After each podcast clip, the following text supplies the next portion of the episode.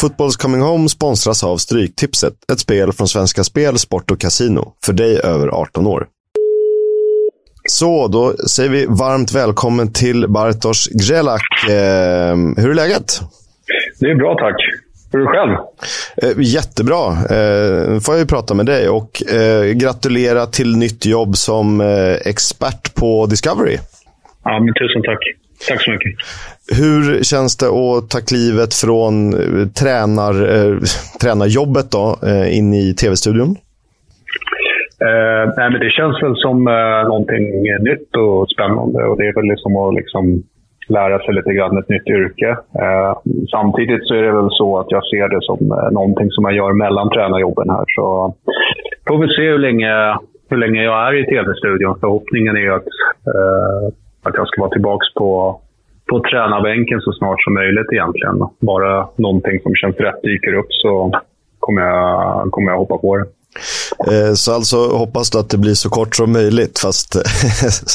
ja, man går ju sällan in med den inställningen till ett nytt jobb, men eh, samtidigt så är det så att jag är fotbollstränare. Och det är fotbollstränare jag vill vara. Och, eh, ja, jag, jag, tror att jag kommer säkert lära mig väldigt mycket genom att eh, jobba i, i, te, i tv vad det gäller liksom, kommunikation och eh, och framförallt mycket om de andra lagen. Jag, menar, jag har ju mycket erfarenhet av allsvenskan redan, men att liksom vara nära allsvenskan hela tiden tror jag kan gynna mig om jag kommer tillbaka till allsvenskan. Så det, det blir spännande. Har du några konkreta eh, uppdrag att ta, ta ställning till just nu? Alltså några, några erbjudanden? Ja, men just nu så har det varit rätt lugnt. Eh, innan årsskiftet där så var det väl lite mer... Eh, det hände väl lite grejer i både Skandinavien Eh, och, och, lite utomlands. Eh, lag som kanske sökte tränare fram till januari, men nu känns det som att eh, eh det händer inte så mycket i tränarruljansen just nu. Det brukar väl kanske komma någon period framåt, framåt mars i de ligorna som spelar höst, vår och, och i allsvenskan så kanske börjar hända grejer i sommar. Men man får se, får se vad som händer. Det, just nu så ska det bli kul att göra det här tv-giget finns alltid tre, fyra självmordsuppdrag i eh, England någonstans. det, det, finns säkert sådana, eh, men eh, de, de brukar vara duktiga på att hitta sina egna där som har gått runt bland klubbarna och, och dragit ner lag i divisionerna neråt och, och kanske ibland eh, hängt kvar med något lag som Sam Allardyce i sina glansdagar. Eh, jag vet att du har ett par favoritlag. AIK är ett av dem och de har du ganska nyligen eh, tränat. Eh, förutom det andra eh, favoritlaget i, i, Storbritannien som vi ska återkomma till. Är det något annat sätt, mm. drömuppdrag du har som ändå du ser på en realistisk horisont? Jag tror, eh, eller det är sådär svårt att säga vad som är realistiskt. Jag menar, antalet svenska tränare som har varit utomlands kan man ju räkna på, på eh, ena handen. Eh, men eh, Ja, jag tycker att det hade varit skithäftigt om man någon gång skulle få chansen eh, att träna ett lag på, eh, i England eller eh, ja, framförallt i engelska ligasystemet. Men på vilken nivå, eh, det vet jag inte. Men eh, vad som är realistiskt. Vi har ju haft några som har gått från allsvenskan till England sista åren. Men Poja Asbaghi gick ju till Barnsley och Jon Dahl Tomasson som för, förvisso har ett stort namn från sin spelarkarriär är ju Blackburn just nu. Så, där, så, så det är väl inte helt orealistiskt, men då ska man nog eh, lyckas med ett par uppdrag till utanför eh, de brittiska öarna innan man tar det steget. Så känns det. Och, och på tal om att du då nämner Storbritannien som en eh, drömdestination, så du har ju en eh, kärlek sedan barnsben till Wrexham som ju är särskilt i ropet just nu. Ja, precis. Nej, men eh, Rexham har jag mm, hållit på sedan jag var... Om jag började spela Championship Manager, som det hette då. Och mm, man följde liksom, tabellerna på söndagar, typ i söndagstidningen. Så, det var en helt annan tid att följa engelsk fotboll. Um, och så fastnade jag för det här laget med ett X i mitten. um, och när Championship Manager kom, ja, men då typ att jag bara spelade för Wrexham hela tiden. eh, men jag var lite så besatt av Wrexham. Jag, menar, jag skrev Wrexham överallt och liksom, inte klottra, det, det ska man inte uppmuntra till, men, men klottra ner mina skolböcker med Wrexham överallt. Så det, var, ja, det har alltid legat mig varmt om hjärtat. Eh, men du, du sitter inte och kollar nu, eh, trots eh, nya rika ägare och sånt? Jo, men jag, jag, sitter ju och jag följer den här serien. Mm. och, och, det blev ju såklart, bara den här serien dök upp i ens flöde så blev det ju... Jag visste ju om liksom, med nya ägarna och allting, men när den här serien dök upp så det kändes det ju liksom overkligt att ett lag som jag egentligen bara har sett innan det eh, en gång på tv, att det nu liksom blev en tv-serie. Eh, för det är ju inte så att man liksom, i svensk tv har kunnat se Rexham vecka ut vecka in. Utan det är, jag, jag såg dem en match typ runt 96. Ehm, så um, ja, det är typ det enda jag har sett. Men nu har det blivit betydligt mer med liksom, senaste årens framgångar och FA Cup-framgångarna man har haft nu. Så det har ju varit kul. Det har varit kul. Eh, som jag förstod hade du inte varit där och kikat på Racehorse än. Eh, däremot har det varit en hel del i eh, Storbritannien, främst England och eh, provspelat. Eh, Chelsea bland annat. Eh, ta oss igenom det. Ja, ja men jag blev ju seniorspelare liksom under den tiden när Bosman-domen kom. Eh, och jag var väl eh, eh, hyfsad, hyfsad fotbollsspelare, i alla fall juniorlandslagsman och så. så eh, när Bosman-domen kom där och man kunde liksom byta klubb bara man var utan kontrakt så dök det upp en del där förfrågningar när man var juniorlandslagsman. Och ett av dem var ju att få komma över till Chelsea och eh, provspela. Så jag var där på ett superlångt provspel. Jag, fyra veckor var jag där. Eh, och spelade lite matcher och sådär, både med juniorlaget och B-laget. Och det var ju precis i den perioden som Chelsea Liksom, eh, Abramovic hade inte klivit in där än, men det här är 96. Det är Ken Bates som är tror jag, ordförande då. Um, och de hade ju precis börjat satsa där med oh, gamla storspelare som Rod Schüllit och Sola. Det var ju där bland annat. Um, det var, Glenn Hoddle var tränare för laget och när han inte tränade A-laget så gick han ner till oss i juniorerna och var med på tvåbollsspelet. Um, så det var liksom häftigt att få spela med några av, ja, kanske några av världens bästa spelare för tillfället. Då, så det var, det var coolt. Men det blev ingenting. Jag, de var väl eh, intresserade av att eh, skriva kontrakt, men samtidigt så tror jag de hade typ 35 spelare i juniorlaget på kontrakt och jag kände att eh, det kanske inte var liksom att de ville satsa på mig utan kanske bara ja, eh, få in en till spelare i juniorlaget, vad vet jag. Men det kändes inte så liksom, aktuellt. Utan skolan här hemma och, och att gå upp i AIKs A-lag här hemma kändes som ett bättre alternativ. Eh, eh fantastisk berättelse om alla spelarna där. Det blev ju fler provspel, visst var det så? Scarborough bland annat. Ja, men precis. Sen eh, när, när eh, jag eh, liksom blev seniorspelare här hemma och kanske var typ i 19-20 års åldern så kände man väl ändå att där, jag har alltid varit anglofil och fascinerad av engelska, engelsk fotboll och sådär. Så, så när man fick erbjudande om att åka upp till Scarborough, som låg då i eh, League 2 eh, på ett provspel, så kändes det bara självklart. Och, så jag packade väskorna och drog dit och var med. Eh, i deras verksamhet en vecka, en match eh, spelade jag. Eh, mot, spelade träningsmatch mot Sheffield United. Jag tyckte personligen att jag var skitdålig och skämdes över min insats. Men managern ville att jag skulle vara kvar någon vecka till. Men var det lite så jag hade börjat jobba här hemma i Stockholm och kände att eh, jag kunde inte ta mer än en vecka för att vara, vara över där på något osäkert provspel. Så där. Det är faktiskt ett beslut jag ångrar än idag, att jag inte ändå blev kvar. Eh, fantastisk miljö uppe i Scarborough. Att spela fotboll sådär. Så det, det var synd att man var ung och dum. Man kanske skulle haft lite bättre rådgivning runt omkring. Eh, otroligt häftigt. Du berättade om det här att du ser det som en anglofil. Var kommer det ifrån? För jag tänker att det inte är Championship Manager med Rexham. Nej, men det, det är som många andra i min ålder. Jag menar, man tittade ju på... Det var ju bara engelsk fotboll på tv.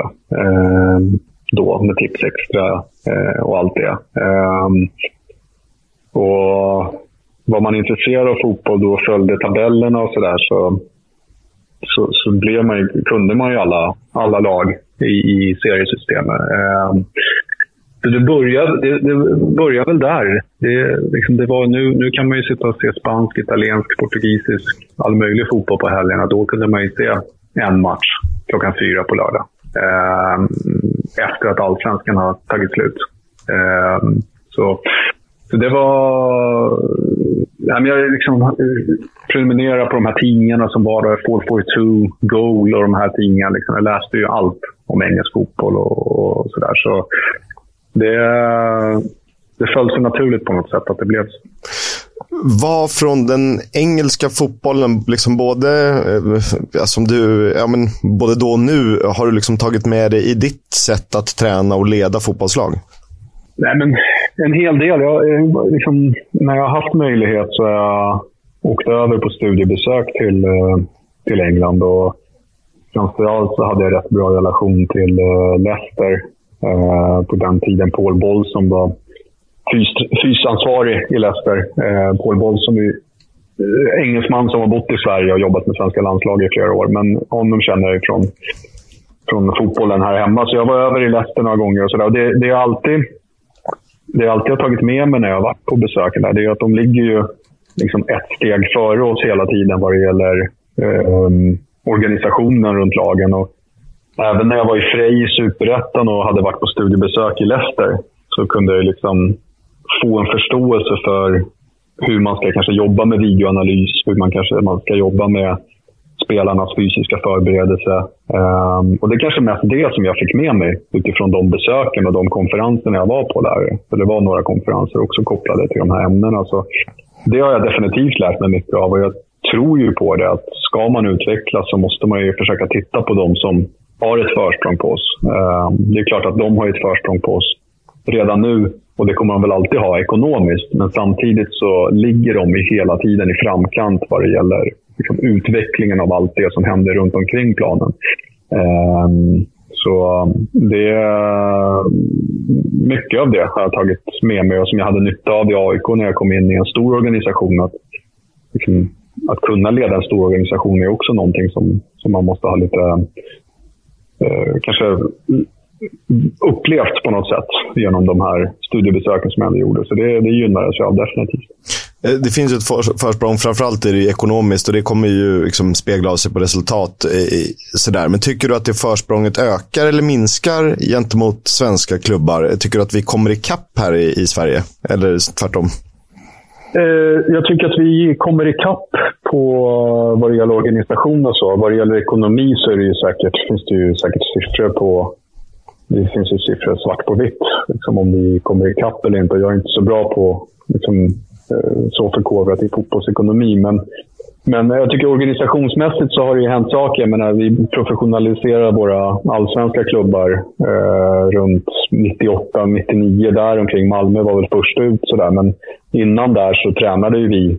När jag var i AIKs A-lag så tränade vi klockan fyra på eftermiddagen. Eh, och folk jobbade. och vår eh, bästa målskytt Pascal Simpson, han sprang runt och delade ut post på dagarna. Sen så dök han ju upp på träningen till exempel. Så Eh, men sen sakta men säkert så har ju organisationen runt lagen växt. Och det som har liksom kommit senaste åren är ju dels då det jag var inne på, fysträningen. Är, alla lag har ju en fotbollsfystränare. Eh, för bara fem sex år sedan var det inte helt ovanligt att allsvenska fotbollslag hade någon gammal fridrottare som fystränare eller någon handbollstränare som fystränare i fotboll. Alltså det är så att man nästan kan le lite åt det idag, men det var ju så man såg på fysträning. Mm. Um, och vad det gäller videoanalys så har väl det varit senaste kanske skulle jag säga, två, tre årens stora utveckling. Där eh, flera klubbar har minst en heltidsanställd videoanalytiker. I alla fall klubbarna med lite större resurser.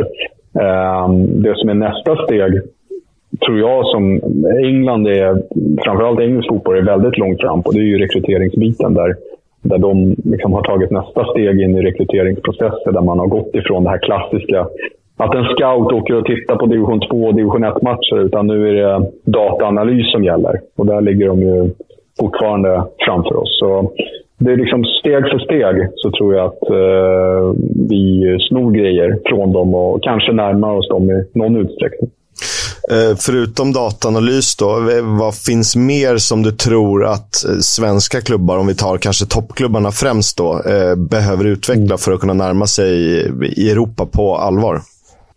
Ehm, jag tror att vi, vi, vi har gått lite snett i vår eh, liksom generella uppfattning om träning i svensk fotboll. Eh, och det, jag, jag, tror att vi senaste decenniet, kanske, 15 åren, 10 åren, så har vi eh, liksom tagit väldigt mycket influenser från den Iberiska halvön med Spanien och Portugal. Och så fort det har kommit böcker därifrån eller föreläsare så har vi liksom sprungit dit i blindo. Liksom pendeln har slagit till att vi ska följa den fotbollen slaviskt. Vilket har utvecklat svensk fotboll på ett, eh, på ett bra sätt spelmässigt. Men samtidigt så tror jag att det har skapat en hel del missuppfattningar om träningsintensitet och träningsmängd från den typen av fotboll. Där man någonstans har tagit till sig eh, en modern fotbollsträningstrend som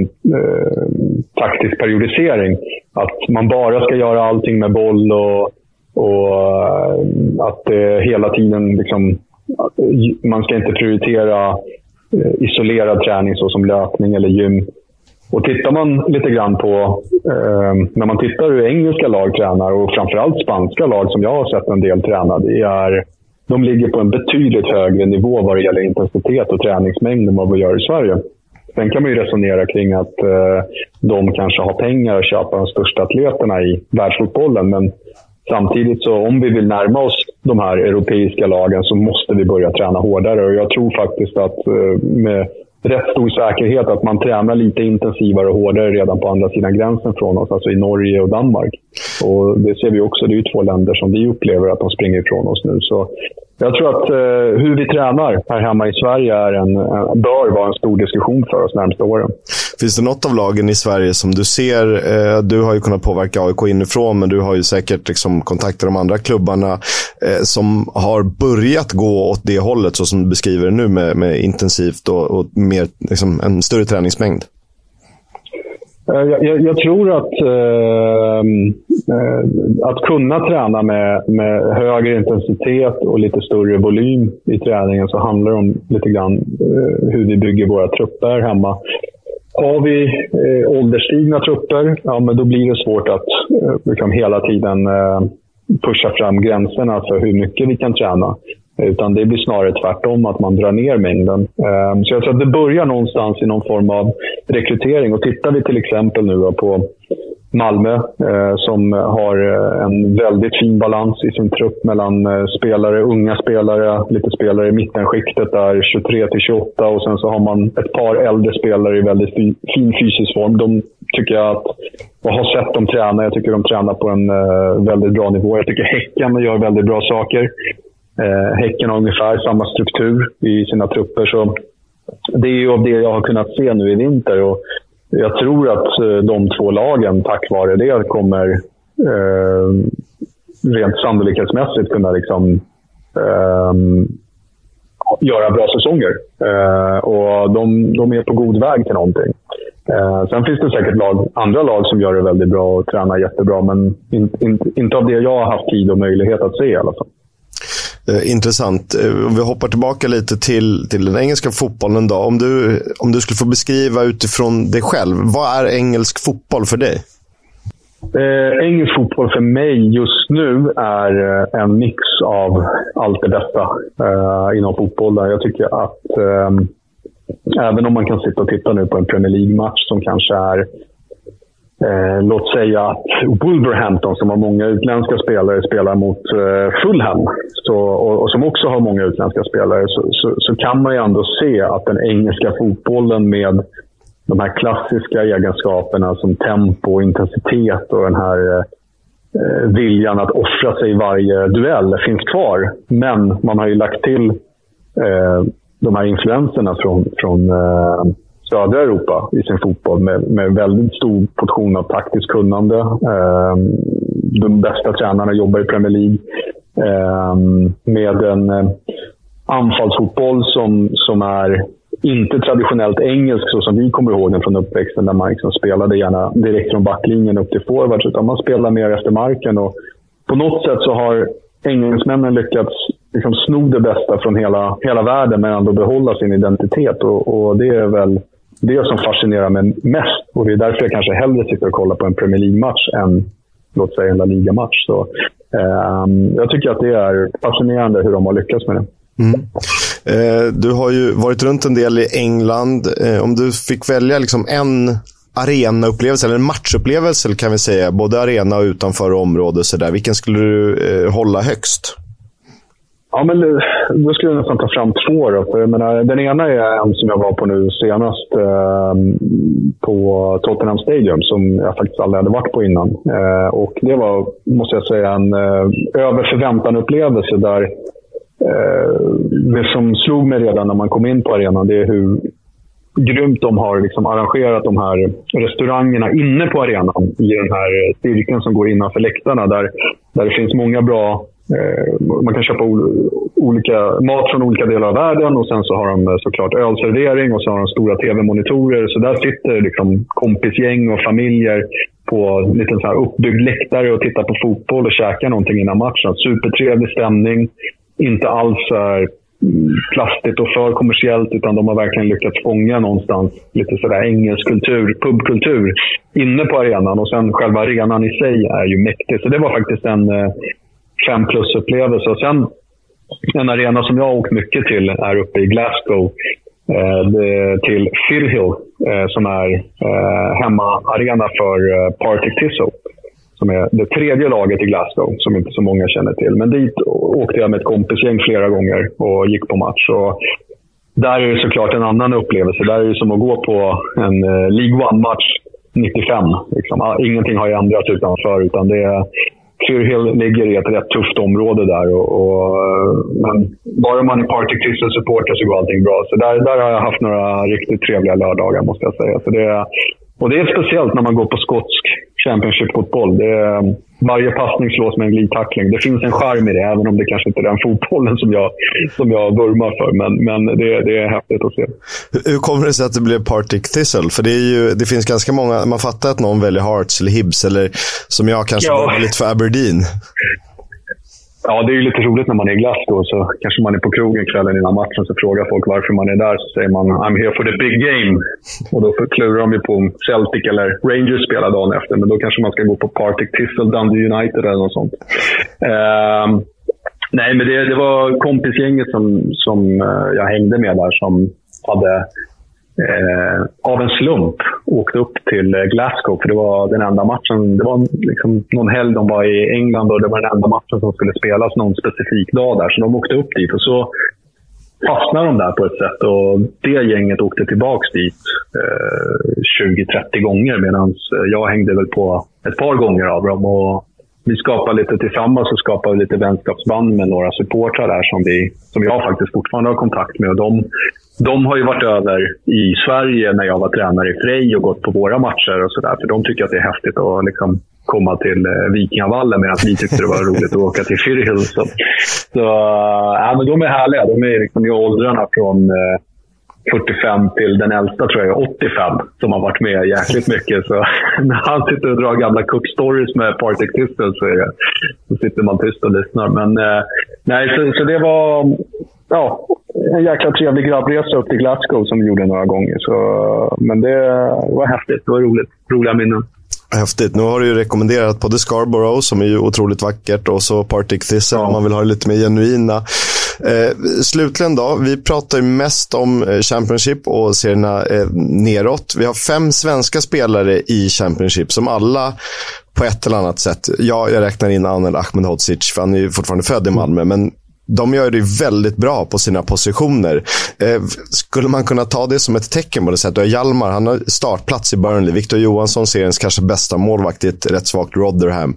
Eh, Annel då, som mm. jag nämnde, given som en av de bästa mittbackarna i serien hittills. Ken Sema, eh, delad assistliga, eller ja, två i assistligan. Då. Eh, mm. Vad, vad ska man säga om det? För det är ju ändå rätt fascinerande att fem svenskar kliver in och dominerar. Och så Gyökeres, nämnde du ja, Exakt, Gyökeres som är två, ja. skytteliga ja. två, du ser. Ja, men precis. Nej, men eh, vad ska man säga? Jag tror att eh, alltså, Championship som liga är ju en, eh, en av Europas större ligor.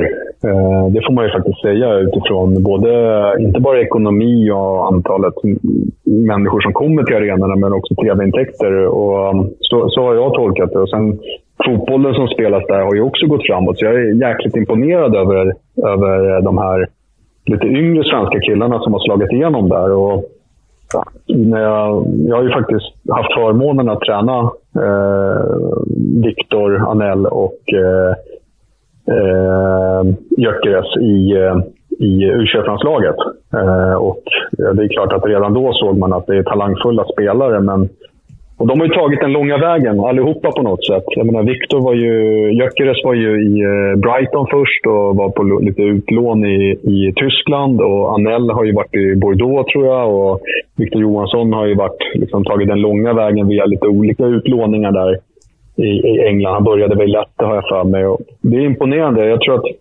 det som förenar de killarna eh, är ju deras pannben. Att, liksom, de, har, de har lyckats att slå sig in där i, i eh, får jag ändå säga, engelsk toppfotboll. För det är ändå vad Championship är för mig. Eh, Premier League är ju någon form av eh, världsfotboll. Liksom. Ja, Premier League är nästan en, en superliga som det är. Ja, exakt. Och, och, och Championship blir ju någonstans den engelska ligan, inom situationstecken. Liksom. Det, är, det är ju den engelska ligan där, där många spelare kommer igenom. Och, och det är en extremt tuff liga. Jag menar, jag kommer ihåg att jag pratade med Björn Hamberg när de hade precis, han och Graham hade tagit över Swansea och, och, och frågade vad är den stora skillnaden. Och han sa ju den, den absolut största skillnaden är att du inte har någon tid alls att träna mellan matcherna. Utan det är bara i princip eh, recovery och sen in och leverera nästa match. Um, så det är en jäkligt speciell liga och sen får man ju liksom lägga på såklart liksom lite kuppspel och, och, allt det där. Så, så, spelar de ju nästan ofta var tredje dag. Um, så de, de killarna vi pratar om här, det är liksom förutom att som jag nämnde att de har pannben och så, så är de ju fysiskt uh, liksom jäkligt väl förberedda. Och det såg man ju redan i unga år att, att de har det. Så, så jag är extre, extremt glad varje gång jag, jag ser dem. Förutom när Anel gjorde mål mot Wrexham här så, så har jag alltid gillat honom. Ja, det gäller ju att kroppen håller också, för vissa skador kan man inte styra över. Och då, då kan säsongen vara över och karriären vara över om man har lite, lite oflyt tyvärr. Ja, ja precis. Eh, liksom, ta i trä så, så, så har de väl klarat sig hyfsat, de här eh, grabbarna. Men eh, det är ju det är som du säger, det, det smäller ju rätt friskt i den här ligan. Och, och, och än så länge så, så, har de klarat det. Jag hoppas verkligen att det är så. att vi får, och Jag tror att vi kommer se alla tre högre upp. Eh, det, det är jag helt övertygad om. Jag tror, man kan ju tänka sig att en, en Gyökeres snart landar i Premier League, att en Hjalmar Ekdal går upp med sitt Burnley och att Victor Johansson får ett rätt eh, hyfsat kontrakt. Och då har du dessutom Anel och Ken Sema, som, och Ken Sema redan spelat Premier League och Anel har ju eh, visat sig på högsta nivå.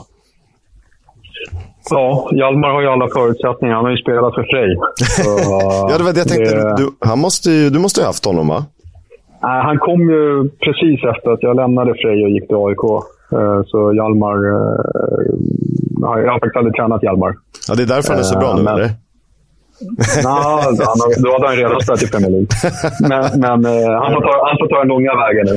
Nej, ja, men jag, jag har ju spelat mycket mot Hjalmar, både när jag liksom varit assisterande i, i i AIK. Sen var jag, när jag var assisterande u så var Hjalmar en av spelarna vi tittade på. Då, och då var han inte riktigt redo. Men jag, jag har ju följt honom alla, alla de åren. Eh, och såklart när jag har varit som huvudtränare i AIK så har vi spelat mot Hjalmar. Men han har ju ett eh, oerhört imponerande sätt att klättra hela tiden upp på nästa nivå och hålla sig kvar där. Och blicka mot nästa höjd. Eh, liksom, när man har följt Hjalmar så har han ju aldrig riktigt sådär, tycker jag, stuckit ut ur mängden. Men han har hela tiden liksom anpassat sig till nästa nivå och eh, gjort det bra. Och sen så tar han nästa utmaning som Burnley och så gör han det bra där också. Så jag blir ju jäkligt spänd på att se hans eh, närmsta framtid här. För det, det ska bli kul att följa honom.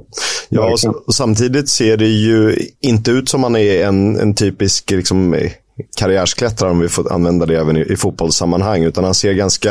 Eh, eh, eh alltså, redo ut för den han nivån han är på nu på något sätt. Ja, precis. Eh, och han är inte så... Han skiljer sig rätt mycket från, från, från eh, liksom karaktärsmässigt när man observerar. Jag känner inte alls honom, men karaktärsmässigt när man observerar honom så, så är ju han en spelare som har ett väldigt positivt kroppsspråk gentemot sina lagkamrater. Så jag förstår ju att han alltid har haft någon form av ledarroll. Liksom. Det, är, det är en kille som aldrig liksom, eh, kastar ut armarna och, och, ska visa hela publiken att lagkamraten gjorde någonting dåligt. Utan han är ju den... Han är ju som jag dra en gammal engelsk eh, sån här... De som kommer ihåg Colin Henry, ja. mittbacken, skotsk mittback. Han var ju sådär att han han jagade alltid bollen in i nätmaskerna liksom, när han skulle försvara mål. Det liksom, eh, man såg alltid Colin Henry ligga i nätmaskerna efter ett insläppt mål. För han, han trodde in i det sista på att han skulle kunna rädda bollen från att gå över mållinjen. Och lite så för mig, utan andra jämförelser, är ju Hjalmar Ekdal den, liksom, den oerhört lojala mittbacken som, som är, eh, alltid liksom, försöker vara den sista utposten och göra allt för att inte bollen ska gå i mål. Och, och det tror jag är hans eh, stora styrka. Att han är så pass eh, lojal och, och eh, jäkla vinnarskalle. Så, där. så eh, jag är jäkligt imponerad över vad, vad han har åstadkommit så här långt i sin karriär kul med svenskarna, även om det är lite late bloomers och de tar lite eh, den långa vägen. Eh, superroligt att eh, prata med dig såklart och höra. Det blev ju allt från svensk till engelsk till skotsk eh, fotboll. Så får ja. vi säga först och främst lycka till med Discovery och sen får vi säga lycka till med nästa tränargärning. Förhoppningsvis blir det i England. Ja, men det hade ju varit en dröm. Det hade varit en dröm. För oss Eller Wales. Ja, Wales är också en dröm. Eller Skottland för den delen. Ja. ja, vi får se. Toppen Bartosz. Ta små steg framåt. Tusen tack. Tusen tack. Ha det bra. Vi hörs. Okej, okay, du med. Hej. Upptäckta vägar, de han tar.